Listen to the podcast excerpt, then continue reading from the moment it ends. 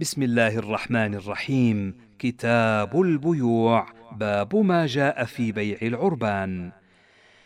حدثني يحيى عن مالك عن الثقة عنده عن عمرو بن شعيب عن أبيه عن جده أن رسول الله صلى الله عليه وسلم نهى عن بيع العربان.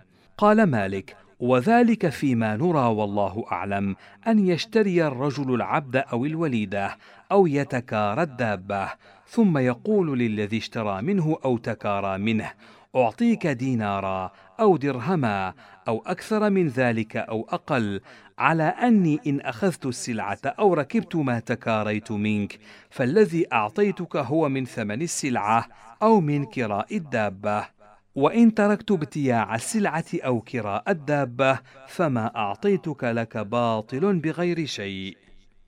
قال مالك والأمر عندنا أنه لا بأس بأن يبتاع العبد التاجر الفصيح بالأعبد من الحبشة أو من جنس من الأجناس ليسوا مثله في الفصاحة ولا في التجارة والنفاذ والمعرفة. لا بأس بهذا أن تشتري منه العبد بالعبدين أو بالأعبد إلى أجل معلوم إذا اختلف فبان اختلافه. فإن أشبه بعض ذلك بعضا حتى يتقارب فلا يأخذ منه اثنين بواحد إلى أجل وإن اختلفت أجناسهم. قال مالك ولا بأس بأن تبيع ما اشتريت من ذلك قبل أن تستوفيه إذا انتقدت ثمنه من غير صاحبه الذي اشتريته منه. قال مالك لا ينبغي أن يستثنى جنين في بطن أمه إذا بيعت لأن ذلك غرر لا يدرى أذكر هو أم أنثى أحسن أم قبيح أو ناقص أو تام أو حي أو ميت وذلك يضع من ثمنها. قال مالك في الرجل يبتاع العبد أو الوليدة بمئة دينار إلى أجل ثم يندم البائع فيسأل المبتاع أن يقيله بعشرة دنانير يدفعها إليه نقدا أو إلى أجل ويمحو عنه المئة دينار التي له.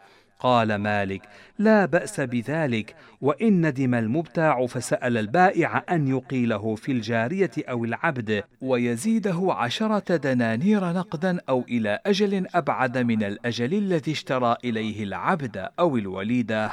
فإن ذلك لا ينبغي وإنما كره ذلك لأن البائع كأنه باع منه مئة دينار له إلى سنة قبل أن تحل بجارية وبعشرة دنانير نقدا أو إلى أجل أبعد من السنة فدخل في ذلك بيع الذهب بالذهب إلى أجل. قال مالك في الرجل يبيع من الرجل الجارية بمئة دينار إلى أجل ثم يشتريها بأكثر من ذلك الثمن الذي باعها به إلى أبعد من ذلك الأجل الذي باعها إليه. إن ذلك لا يصلح وتفسير ما كره من ذلك أن يبيع الرجل الجارية إلى أجل ثم يبتاعها إلى أجل أبعد منه يبيعها بثلاثين دينارا إلى شهر ثم يبتاعها بستين دينارا إلى سنة أو إلى نصف سنة. فصار إن رجعت إليه سلعته بعينها وأعطاه صاحبه ثلاثين دينارا إلى شهر بستين دينارا إلى سنة أو إلى نصف سنة فهذا مما لا ينبغي. باب ما جاء في مال المملوك. حدثني يحيى عن مالك عن نافع عن عبد الله بن عمر أن عمر بن الخطاب قال من باع عبدا وله مال؟ فماله للبائع إلا أن يشترطه المبتاع. قال مالك الأمر المجتمع عليه عندنا أن المبتاع إن اشترط مال العبد فهو له نقدا كان أو دينا أو عرضا يعلم أو لا يعلم وإن كان للعبد من المال أكثر مما اشترى به كان ثمنه نقدا أو دينا أو عرضا وذلك أن مال العبد ليس على سيده فيه زكاة. وإن كانت للعبد جارية استحل فرجها بملكه إياها. وإن عتق العبد أو كاتب تبعه ماله وإن أفلس أخذ الغرماء ماله ولم يتبع سيده بشيء من دينه. باب ما جاء في العهدة. حدثني يحيى عن مالك عن عبد الله بن أبي بكر بن محمد بن عمرو بن حزم أن أبان بن عثمان وهشام بن إسماعيل كانا يذكران في خطبتهما عهدة الرقيق في الأيام الثلاثة من حين يشترى العبد أو الوليدة وعهدة السنة. قال مالك ما أصاب العبد أو الوليدة في الأيام الثلاثة من حين يشتريان حتى تنقضي الأيام الثلاثة فهو من البائع. وإن عهدة السنة من الجنون والجذام والبرص فإذا مضت السنة فقد برئ البائع من العهدة كلها. قال مالك ومن باع عبدا أو وليدة من أهل الميراث أو غيرهم بالبراءة فقد برئ من كل عيب ولا عهدة عليه إلا أن يكون علم عيبا فكتمه فإن كان علم عيبا فكتمه لم تنفعه البراءة وكان ذلك البيع مردودا ولا عهدة عندنا إلا في الرقيق. باب العيب في الرقيق. حدثني يحيى عن مالك عن يحيى بن سعيد عن سالم بن عبد الله أن عبد الله بن عمر باع غلاما له بثمانمائة درهم وباعه بالبراءة فقال الذي ابتاعه لعبد الله بن عمر بالغلام داء لم تسمه لي. فاختصما إلى عثمان بن عفان فقال الرجل باعني عبدا وبه داء لم يسمه. وقال عبد الله بعته بالبراءة. فقضى عثمان بن عفان على عبد الله بن عمر أن يحلف له لقد باعه العبد وما به داء يعلمه فأبى عبد الله أن يحلف وارتجع العبد فصح عنده فباعه عبد الله بعد ذلك بألف وخمسمائة درهم. قال مالك الأمر المجتمع عليه عندنا أن كل من ابتاع وليدة فحملت أو عبدا فاعتقه وكل أمر دخله الفوت حتى لا يستطاع رده فقامت البينة إنه قد كان به عيب عند الذي باعه أو علم ذلك باعتراف من البائع أو غيره فإن العبد أو الوليدة يقوم وبه العيب الذي كان به يوم اشتراه. فيرد من الثمن قدر ما بين قيمته صحيحا وقيمته وبه ذلك العيب. قال مالك الأمر المجتمع عليه عندنا في الرجل يشتري العبد ثم يظهر منه على عيب يرده منه وقد حدث به عند المشتري عيب آخر. أنه إذا كان العيب الذي حدث به مفسدا مثل القطع أو العور أو ما أشبه ذلك من العيوب المفسدة فإن الذي اشترى العبد بخير النظرين إن أحب أن يوضع عنه من ثمن العبد بقدر العيب الذي كان بالعبد يوم اشتراه وضع عنه.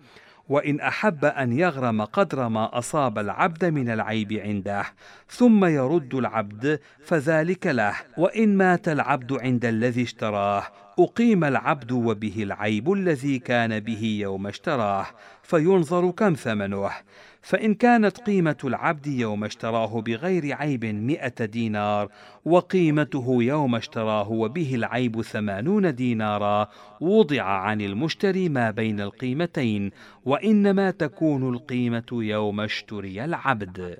قال مالك الأمر المجتمع عليه عندنا أن من رد وليدة من عيب وجده بها وكان قد أصابها. أنها إن كانت بكرا فعليه ما نقص من ثمنها وإن كانت ثيبا فليس عليه في إصابته إياها شيء لأنه إنما كان ضامنا لها. قال مالك الأمر المجتمع عليه عندنا في من باع عبدا أو وليده أو حيوانا بالبراءة من أهل الميراث أو غيرهم فقد برئ من كل عيب فيما باع إلا أن يكون علم في ذلك عيبا فكتمه. فإن كان علم عيبا فكتمه لم تنفعه تبرئته وكان ما باع مردودا عليه. قال مالك في الجارية تباع بالجاريتين ثم يوجد بإحدى الجاريتين عيب ترد منه. قال تقام الجارية التي كانت قيمة الجاريتين فينظر كم ثمنها ثم تقام الجاريتان بغير العيب الذي وجد بإحداهما. تقامان صحيحتين سالمتين. ثم يقسم ثمن الجارية التي بيعت بالجاريتين عليهما بقدر ثمنهما حتى يقع على كل واحدة منهما حصتها من ذلك. على المرتفعة بقدر ارتفاعها وعلى الأخرى بقدرها ثم ينظر إلى التي بها العيب فيرد بقدر الذي وقع عليها من تلك الحصة إن كانت كثيرة أو قليلة وإنما تكون قيمة الجاريتين عليه يوم قبضهما. قال مالك في الرجل يشتري العبد فيؤاجره بالإجارة العظيمة أو الغلة القليلة ثم يجد به عيبا يرد منه إنه يرده بذلك العيب وتكون له إجارته وغلته وهذا الأمر الذي كانت عليه الجماعة ببلدنا. وذلك لو أن رجلا ابتاع عبدا فبنى له دارا قيمة بنائها ثمن العبد أضعافا. ثم وجد به عيبا يرد منه رده ولا يحسب للعبد عليه إجارة فيما عمل له. فكذلك تكون له إجارته إذا آجره من غيره لأنه ضامن له. وهذا الأمر عندنا. قال مالك الأمر عندنا في من ابتاع رقيقا في صفقة واحدة فوجد في ذلك الرقيق عبدا مسروقا أو وجد بعبد منهم عيبا إنه ينظر فيما وجد مسروقا أو وجد به عيبا فإن كان هو وجه ذلك الرقيق أو أكثره ثمنا أو من أجله اشترى وهو الذي فيه الفضل فيما يرى الناس كان ذلك البيع مردودا كله. وإن كان الذي وجد مسروقا أو وجد به العيب من ذلك الرقيق في الشيء اليسير منه ليس هو وجه ذلك الرقيق ولا من أجله اشتري. رد ذلك الذي وجد به العيب أو وجد مسروقا بعينه بقدر قيمته من الثمن الذي اشترى به أولئك الرقيق. باب ما يفعل في الوليدة إذا بيعت والشرط فيها. حدثني يحيى عن مالك عن ابن شهاب أن عبيد الله بن عبد الله بن عتبة ابن مسعود أخبره أن عبد الله بن مسعود ابتاع جارية من امرأته زينب الثقفية واشترطت عليه أنك إن بعتها فهي لي بالثمن الذي تبيعها به. فسأل عبد الله بن مسعود عن ذلك عمر بن الخطاب فقال عمر بن الخطاب لا تقربها وفيها شرط لأحد. وحدثني عن مالك عن نافع عن عبد الله بن عمر أنه كان يقول لا يطأ الرجل وليده إلا وليدة إن شاء باعها وإن شاء وهبها وإن شاء أمسكها وإن شاء صنع بها ما شاء. قال مالك في من اشترى جارية على شرط ألا يبيعها أو لا يهبها أو ما أشبه ذلك من الشروط فإنه لا ينبغي للمشتري أن يطأها وذلك أنه لا يجوز له أن يبيعها ولا أن يهبها فإن كان لا يملك ذلك منها فلم يملكها ملكا تاما لأنه قد استثني عليه فيها ما ملكه بيد غيره فإذا دخل هذا الشرط لم يصلح وكان بيعا مكروها. باب النهي عن أن يطأ الرجل وليدة ولها زوج. حدثني يحيى عن مالك عن ابن شهاب أن عبد الله بن عامر أهدى لعثمان بن عفان جارية ولها زوج ابتاعها بالبصرة. فقال عثمان لا أقربها حتى يفارقها زوجها. فأرضى ابن عامر زوجها ففارقها. وحدثني عن مالك عن ابن شهاب عن أبي سلمة بن عبد الرحمن بن عوف أن عبد الرحمن بن عوف ابتاع وليده فوجدها ذات زوج فردها. باب ما جاء في ثمر المال يباع أصله. حدثني يحيى عن مالك عن نافع عن عبد الله بن عمر أن رسول الله صلى الله عليه وسلم قال من باع نخلا قد أبرت فثمرها للبائع إلا أن يشترط المبتاع. باب النهي عن بيع الثمار حتى يبدو صلاحها. حدثني يحيى عن مالك عن نافع عن ابن عمر أن رسول الله صلى الله عليه وسلم نهى عن بيع الثمار حتى يبدو صلاحها نهى البائع والمشتري. وحدثني عن مالك عن حميد الطويل عن أنس بن مالك أن رسول الله صلى الله عليه وسلم نهى عن بيع الثمار حتى تزهي فقيل له يا رسول الله وما تزهي؟ فقال حين تحمر. وقال رسول الله صلى الله عليه وسلم أرأيت إذا منع الله الثمرة فبما يأخذ أحدكم مال أخيه؟ وحدثني عن مالك عن أبي الرجال محمد بن عبد الرحمن بن حارثة عن أمه عمرة بنت عبد الرحمن أن رسول الله صلى الله عليه وسلم نهى عن بيع الثمار حتى تنجو من العاهة. قال مالك وبيع الثمار قبل أن يبدو صلاحها من بيع الغرر وحدثني عن مالك عن أبي الزناد عن خارجة بن زيد بن ثابت عن زيد بن ثابت أنه كان لا يبيع ثماره حتى تطلع الثريا.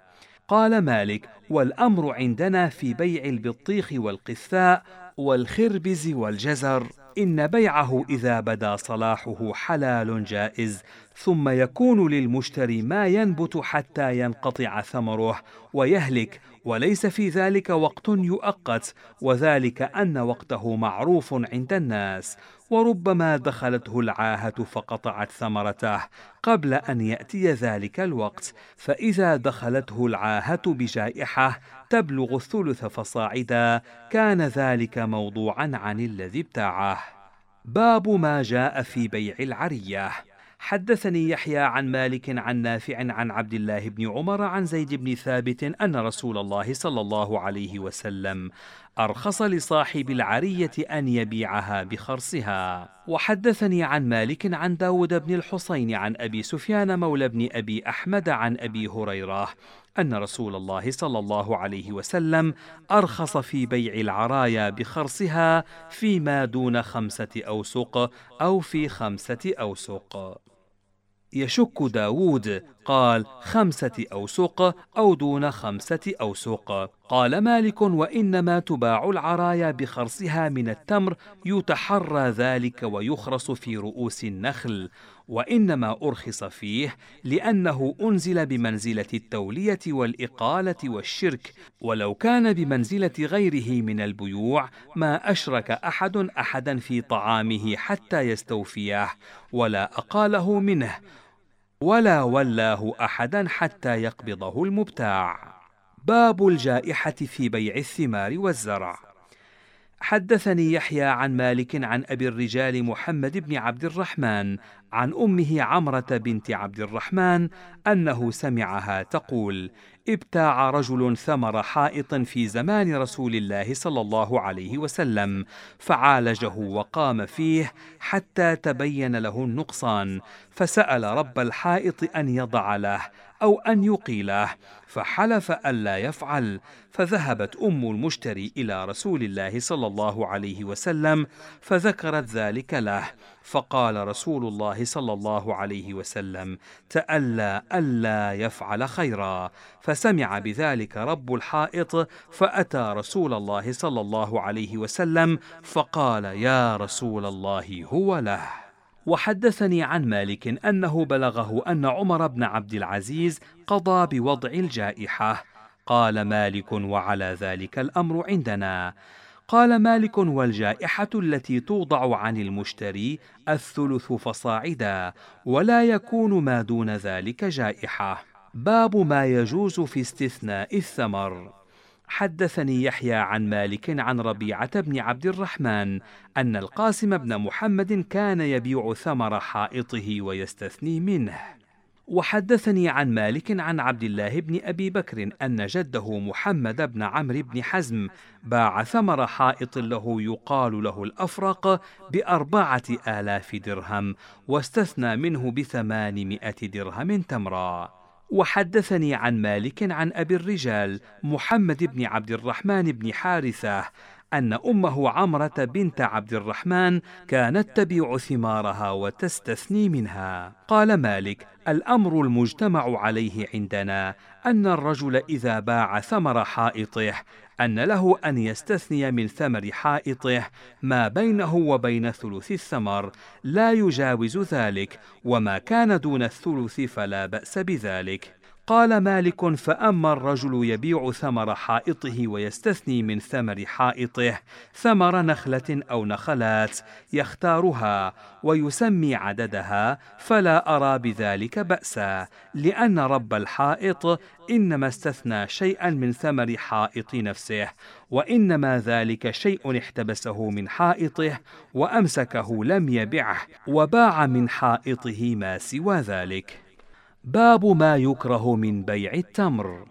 حدثني يحيى عن مالك عن زيد بن أسلم عن عطاء بن يسار أنه قال قال رسول الله صلى الله عليه وسلم التمر بالتمر مثلا بمثل. فقيل له إن عاملك على خيبر يأخذ الصاع بالصاعين. فقال رسول الله صلى الله عليه وسلم أدعوه لي. فدعي له. فقال له رسول الله صلى الله عليه وسلم أتأخذ الصاع بالصاعين؟ فقال يا رسول الله لا يبيعونني الجنيب بالجمع صاعا بصاع. فقال له رسول الله صلى الله عليه وسلم بع الجمع بالدراهم ثم ابتع بالدراهم جنيبا. وحدثني عن مالك عن عبد الحميد بن سهيل بن عبد الرحمن بن عوف عن سعيد بن المسيب عن أبي سعيد الخدري وعن أبي هريرة أن رسول الله صلى الله عليه وسلم استعمل رجلا على خيبر فجاءه بتمر جنيب فقال له رسول الله صلى الله عليه وسلم أكل تمر خيبر هكذا؟ فقال لا والله يا رسول الله. إنا لنأخذ الصاع من هذا بالصاعين والصاعين بالثلاثة. فقال رسول الله صلى الله عليه وسلم لا تفعل بع الجمع بالدراهم ثم ابتع بالدراهم جنيبا وحدثني عن مالك عن عبد الله بن يزيد أن زيدا أبا عياش أخبره أنه سأل سعد بن أبي وقاص عن البيضاء بالسلت فقال له سعد أيتهما أفضل؟ قال البيضاء. فنهاه عن ذلك. وقال سعد سمعت رسول الله صلى الله عليه وسلم يسأل عن اشتراء التمر بالرطب. فقال رسول الله صلى الله عليه وسلم أينقص الرطب إذا يبس؟ فقالوا نعم. فنهى عن ذلك. باب ما جاء في المزابنة والمحاقلة. حدثني يحيى عن مالك عن نافع عن عبد الله بن عمر أن رسول الله صلى الله عليه وسلم نهى عن المزابنة والمزابنة بيع الثمر بالتمر كيلا وبيع الكرم بالزبيب كيلا. وحدثني عن مالك عن داود بن الحصين عن أبي سفيان مولى بن أبي أحمد عن أبي سعيد الخدري أن رسول الله صلى الله عليه وسلم نهى عن المزابنة والمحاقلة والمزابنة اشتراء الثمر بالتمر في رؤوس النخل والمحاقلة كراء الأرض بالحنطة. وحدثني عن مالك عن ابن شهاب عن سعيد بن المسيب أن رسول الله صلى الله عليه وسلم نهى عن المزابنة والمحاقلة والمزابنة اشتراء الثمر بالتمر والمحاقلة اشتراء الزرع بالحنطة واستكراء الأرض بالحنطة. قال ابن شهاب فسألت سعيد بن المسيب عن استكراء الأرض بالذهب والورق فقال لا بأس بذلك. قال مالك نهى رسول الله صلى الله عليه وسلم عن المزابنة وتفسير المزابنة أن كل شيء من الجزاف الذي لا يعلم كيله ولا وزنه ولا عدده ابتيع بشيء مسمى من الكيل أو الوزن أو العدد. وذلك أن يقول الرجل للرجل يكون له الطعام المصبر الذي لا يعلم كيله من الحنطة أو التمر أو ما أشبه ذلك من الأطعمة أو يكون للرجل السلعة من الحنطة أو النوى أو القضب أو العصفر أو الكرسف أو الكتان أو القز أو ما أشبه ذلك من السلع. لا يعلم كيل شيء من ذلك ولا وزنه ولا عدده. فيقول الرجل لرب تلك السلعة كل سلعتك هذه أو مر من يكيلها أو زن من ذلك ما يوزن أو عد من ذلك ما كان يعد فما نقص عن كيل كذا وكذا صاعا لتسمية يسميها أو وزن كذا وكذا رطلا أو عدد كذا وكذا فما نقص من ذلك فعلي غرمه لك حتى أوفيك تلك التسمية. فما زاد على تلك التسمية فهو لي. أضمن ما نقص من ذلك على أن يكون لي ما زاد فليس ذلك بيعا ولكنه المخاطرة والغرر والقمار يدخل هذا لأنه لم يشتر منه شيئا أخرجه ولكنه ضمن له ما سمي من ذلك الكيل أو الوزن أو العدد على أن يكون له ما زاد على ذلك فإن نقصت تلك السلعة عن تلك التسمية أخذ من مال صاحبه ما نقص بغير ثمن ولا هبة طيبة بها نفسه فهذا يشبه القمار وما كان مثل هذا من الأشياء فذلك يدخله. قال مالك ومن ذلك أيضا أن يقول الرجل للرجل له الثوب أضمن لك من ثوبك هذا كذا وكذا.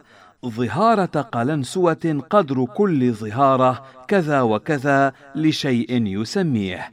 فما نقص من ذلك فعلي غرمه حتى أوفيك وما زاد فلي.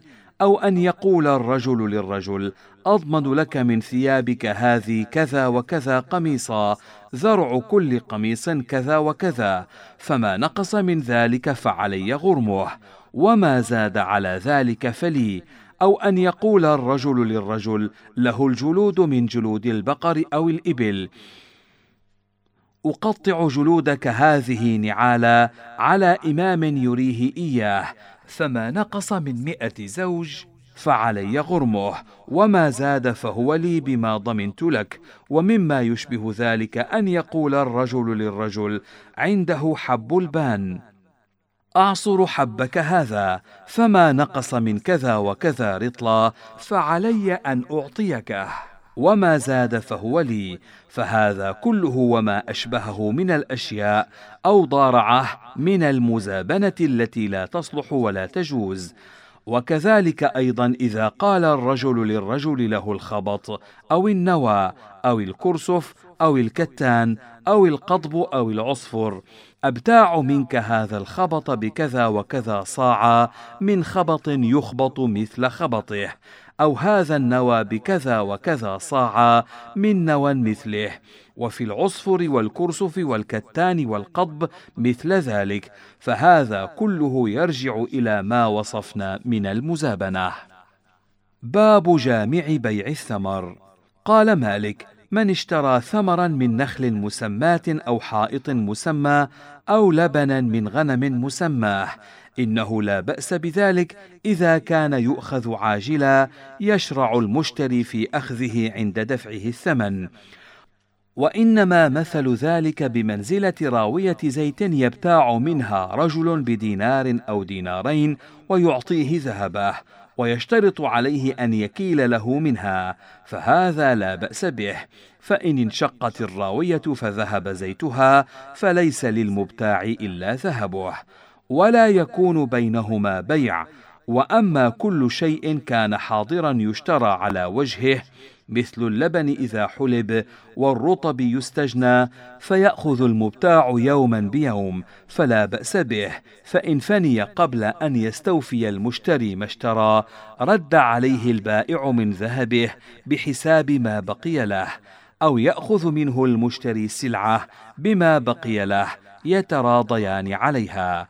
ولا يفارقه حتى يأخذها فإن فارقه فإن ذلك مكروه لأنه يدخله الدين بالدين وقد نهي عن الكالئ بالكالئ فإن وقع في بيعهما أجل فإنه مكروه.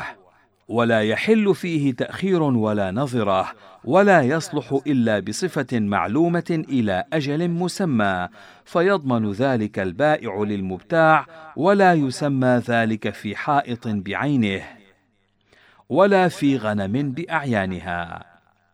وسئل مالك عن الرجل يشتري من الرجل الحائط فيه ألوان من النخل من العجوة والكبيس والعذق وغير ذلك من ألوان التمر فيستثني منها ثمر النخلة أو النخلات يختارها من نخله.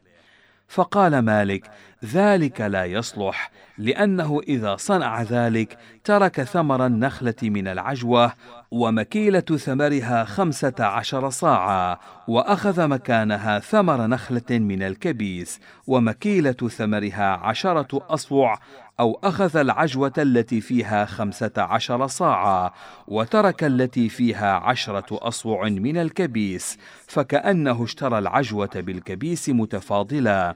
وذلك مثل أن يقول الرجل للرجل بين يديه صبر من التمر قد صبر العجوة فجعلها خمسة عشر صاعا وجعل صبرة الكبيس عشرة آصع وجعل صبرة العذق اثني عشر صاعا فأعطى صاحب التمر دينارا على أنه يختار فيأخذ أي تلك الصبر شاء. قال مالك فهذا لا يصلح. وسئل مالك عن الرجل يشتري الرطب من صاحب الحائط فيسلفه الدينار ماذا له إذا ذهب رطب ذلك الحائط؟ قال مالك يحاسب صاحب الحائط ثم يأخذ ما بقي له من ديناره. إن كان أخذ بثلثي دينار رطبا أخذ ثلث الدينار الذي بقي له. وإن كان أخذ ثلاثة أرباع ديناره رطبا أخذ الربع الذي بقي له. أو يتراضيان بينهما فيأخذ بما بقي له من ديناره عند صاحب الحائط ما بدا له إن أحب أن يأخذ تمرا أو سلعة سوى التمر أخذها بما فضل له فإن أخذ تمرا أو سلعة أخرى فلا يفارقه حتى يستوفي ذلك منه. قال مالك وإنما هذا بمنزلة أن يكري الرجل الرجل راحلة بعينها أو يؤاجر غلامه الخياط أو النجار أو العمال لغير ذلك من الأعمال أو يكري مسكنه ويستلف إجارة ذلك الغلام أو كراء ذلك المسكن أو تلك الراحلة ثم يحدث في ذلك حدث بموت أو غير ذلك فيرد رب الراحلة أو العبد أو المسكن إلى الذي سلفه ما بقي من كراء الراحلة أو إجارة العبد أو كراء المسكن. يحاسب صاحبه بما استوفى من ذلك إن كان استوفى نصف حقه رد عليه النصف الباقي الذي له عنده. وإن كان أقل من ذلك أو أكثر فبحساب ذلك يرد إليه ما بقي له. قال مالك ولا يصلح التسليف في شيء من هذا يسلف فيه بعينه إلا أن يقبض المسلف ما سلف فيه عند دفعه الذهب إلى صاحبه يقبض العبد أو الراحلة أو المسكن أو يبدأ فيما اشترى من الرطب فيأخذ منه عند دفعه الذهب إلى صاحبه لا يصلح أن يكون في شيء من ذلك تأخير ولا أجل. قال مالك وتفسير ما كره من ذلك أن يقول الرجل للرجل أسلفك في راحلتك فلانة أركبها في الحج وبينه وبين الحج أجل من الزمان أو يقول مثل ذلك في العبد أو المسكن فإنه إذا صنع ذلك كان إنما يسلفه ذهبا على أنه إن وجد تلك الراحلة صحيحة لذلك الأجل الذي سمى له فهي له بذلك الكراء وإن حدث بها حدث من موت أو غيره رد عليه ذهبه وكانت عليه على وجه السلف عنده. قال مالك وإنما فرق بين ذلك القبض من قبض ما استأجر أو استكرى فقد خرج من الغرر والسلف الذي يكره وأخذ أمرا معلوما. وإنما مثل ذلك أن يشتري الرجل العبد أو الوليدة فيقبضهما وينقض أثمانهما فإن حدث بهما حدث من عهدة السنة أخذ ذهبه من صاحبه الذي ابتاع منه. فهذا لا بأس به وبهذا مضت السنة في بيع الرقيق. قال مالك ومن استأجر عبدا بعينه أو تكارى راحلة بعينها إلى أجل يقبض العبد أو الراحلة إلى ذلك الأجل فقد عمل بما لا يصلح لا هو قبض ما استكرى أو استأجر ولا هو سلف في دين يكون ضامنا على صاحبه حتى يستوفيه. باب بيع الفاكهة. قال مالك الأمر المجتمع عليه عندنا أن من ابتاع شيئا من الفاكهة من رطبها أو يابسها فإنه لا يبيعه حتى يستوفيه ولا يباع شيء منها بعضه ببعض إلا يدا بيد وما كان منها مما ييبس فيصير فاكهة يابسة تدخر وتؤكل فلا يباع بعضه ببعض إلا يدا بيد ومثلا بمثل إذا كان من صنف واحد فإن كان من صنفين مختلفين فلا بأس أن يباع منه اثنان بواحد يدا بيد. ولا يصلح إلى أجل وما كان منها مما لا ييبس ولا يدخر وإنما يؤكل رطبا كهيئة البطيخ والقثاء والخربز والجزر والأترج والموز والرمان وما كان مثله وإن يبس لم يكن فاكهة بعد ذلك وليس هو مما يدخر ويكون فاكهة. قال فأراه حقيقا أن يؤخذ منه من صنف واحد اثنان بواحد يدا بيد فإذا لم يدخل فيه شيء من الأجل فإنه لا بأس به. باب بيع الذهب بالفضة تبرا وعينا.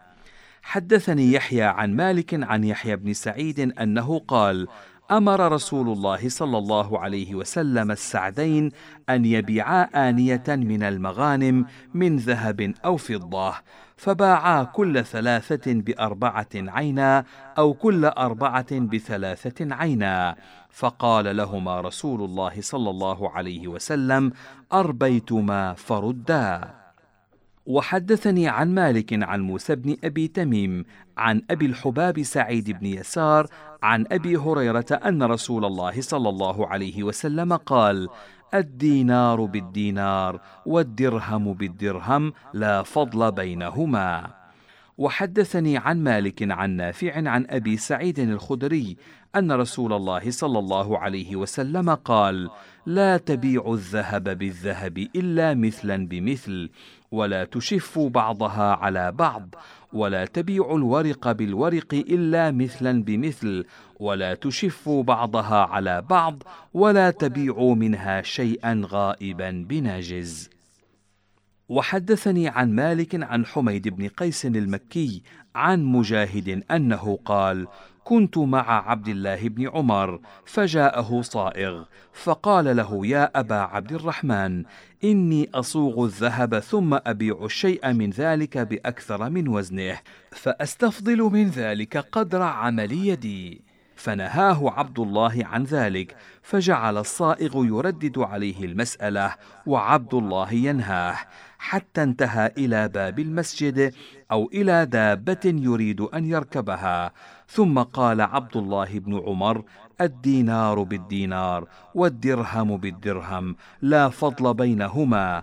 هذا عهد نبينا إلينا وعهدنا إليكم. وحدثني عن مالك أنه بلغه عن جده مالك بن أبي عامر أن عثمان بن عفان قال قال لي رسول الله صلى الله عليه وسلم لا تبيعوا الدينار بالدينارين ولا الدرهم بالدرهمين وحدثني عن مالك عن زيد بن أسلم عن عطاء بن يسار أن معاوية بن أبي سفيان باع سقاية من ذهب أو ورق بأكثر من وزنها فقال له أبو الدرداء سمعت رسول الله صلى الله عليه وسلم ينهى عن مثل هذا إلا مثلا بمثل فقال له معاوية ما أرى بمثل هذا بأسا؟ فقال أبو الدرداء من يعذرني من معاوية؟ أنا أخبره عن رسول الله صلى الله عليه وسلم ويخبرني عن رأيه لا أساكنك بأرض أنت بها. ثم قدم أبو الدرداء على عمر بن الخطاب فذكر ذلك له فكتب عمر بن الخطاب إلى معاوية ألا تبيع ذلك إلا مثلا بمثل وزنا بوزن. وحدثني عن مالك عن نافع عن عبد الله بن عمر أن عمر بن الخطاب قال لا تبيع الذهب بالذهب إلا مثلا بمثل ولا تشفوا بعضها على بعض ولا تبيعوا الورق بالورق إلا مثلا بمثل ولا تشفوا بعضها على بعض ولا تبيعوا الورق بالذهب أحدهما غائب والآخر ناجز. وإن استنظرك إلى أن يلج بيته فلا تنظره. إني أخاف عليكم الرماء والرماء هو الربا. وحدثني عن مالك عن عبد الله بن دينار عن عبد الله بن عمر أن عمر بن الخطاب قال لا تبيعوا الذهب بالذهب إلا مثلا بمثل ولا تشفوا بعضها على بعض ولا تبيعوا الورق بالورق إلا مثلا بمثل ولا تشفوا بعضها على بعض ولا تبيعوا شيئا منها غائبا بناجز وإن استنظرك إلى أن يلج بيته فلا تنظره إني أخاف عليكم الرماء والرماء هو الربا. وحدثني عن مالك أنه بلغه عن القاسم بن محمد أنه قال قال عمر بن الخطاب الدينار بالدينار والدرهم بالدرهم والصاع بالصاع ولا يباع كالئ بناجز. وحدثني عن مالك عن أبي الزناد أنه سمع سعيد بن المسيب يقول لا ربا إلا في ذهب أو في فضة أو ما يكال أو يوزن بما يؤكل أو يشرب. وحدثني عن مالك عن يحيى بن سعيد أنه سمع سعيد بن المسيب يقول قطع الذهب والورق من الفساد في الأرض. قال مالك ولا بأس أن يشتري الرجل الذهب بالفضة والفضة بالذهب جزافا. إذا كان تبرا أو حليا قد صيغ فأما الدراهم المعدودة والدنانير المعدودة فلا ينبغي لأحد أن يشتري شيئا من ذلك جزافا حتى يعلم ويعد فإن اشتري ذلك جزافا فإنما يراد به الغرر حين يترك عده ويشترى جزافا وليس هذا من بيوع المسلمين فأما ما كان يوزن من التبر والحلي فلا بأس أن يباع ذلك جزافا. وإنما ابتياع ذلك جزافا كهيئة الحنطة والتمر ونحوهما من الأطعمة التي تباع جزافا ومثلها يكال فليس بابتياع ذلك جزافا بأس. قال مالك من اشترى مصحفا أو سيفا أو خاتما وفي شيء من ذلك ذهب أو فضة بدنانير أو دراهم. فإنما اشتري من ذلك وفيه الذهب بدنانير فإنه ينظر إلى قيمته. فإن كانت قيمة ذلك الثلثين وقيمة ما فيه من الذهب الثلث فذلك جائز لا بأس به إذا كان ذلك يدا بيد ولا يكون فيه تأخير. وما اشتري من ذلك بالورق مما فيه الورق نظر إلى قيمته. فإن كان قيمة ذلك الثلثين وقيمة ما فيه من الورق الثلث فذلك جائز لا بأس به إذا كان يدا بيد ولم يزل ذلك من أمر الناس عندنا. باب ما جاء في الصرف.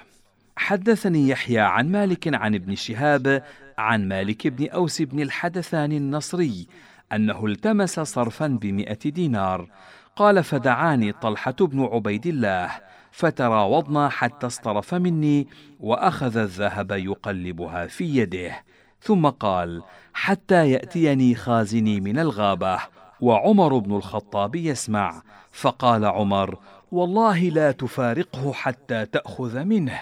ثم قال قال رسول الله صلى الله عليه وسلم الذهب بالورق ربا إلا هاء وهاء والبر بالبر ربا إلا هاء وهاء والتمر بالتمر ربا إلا هاء وهاء والشعير بالشعير ربا إلا هاء وهاء قال مالك إذا اصطرف الرجل دراهم بدنانير ثم وجد فيها درهما زائفا فأراد رده.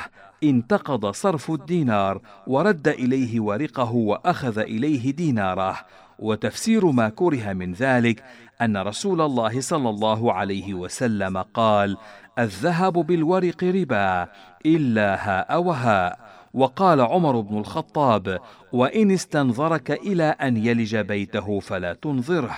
وهو إذا رد عليه درهما من صرف بعد أن يفارقه كان بمنزلة الدين أو الشيء المتأخر فلذلك كره ذلك وانتقض الصرف وإنما أراد عمر بن الخطاب ألا يباع الذهب والورق والطعام كله عاجلا بآجل فإنه لا ينبغي أن يكون في شيء من ذلك تأخير ولا نظرة وإن كان من صنف واحد أو كان مختلفة أصنافه. باب المراطلة. حدثني يحيى عن مالك عن يزيد بن عبد الله بن قسيط الليثي أنه رأى سعيد بن المسيب يراطل الذهب بالذهب فيفرغ ذهبه في كفة الميزان ويفرغ صاحبه الذي يراطله ذهبه في كفة الميزان الأخرى فإذا اعتدل لسان الميزان أخذ وأعطى.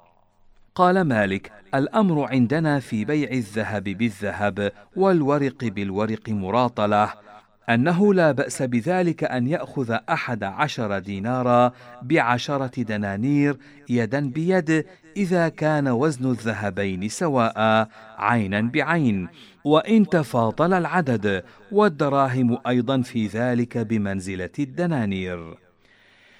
قال مالك من راطل ذهبا بذهب أو ورقا بورق فكان بين الذهبين فضل مثقال فأعطى صاحبه قيمته من الورق أو من غيرها فلا يأخذه فإن ذلك قبيح وذريعة إلى الربا لأنه إذا جاز له أن يأخذ المثقال بقيمته حتى كأنه اشتراه على حدته جاز له أن يأخذ المثقال بقيمته مرارا لأن يجيز ذلك البيع بينه وبين صاحبه.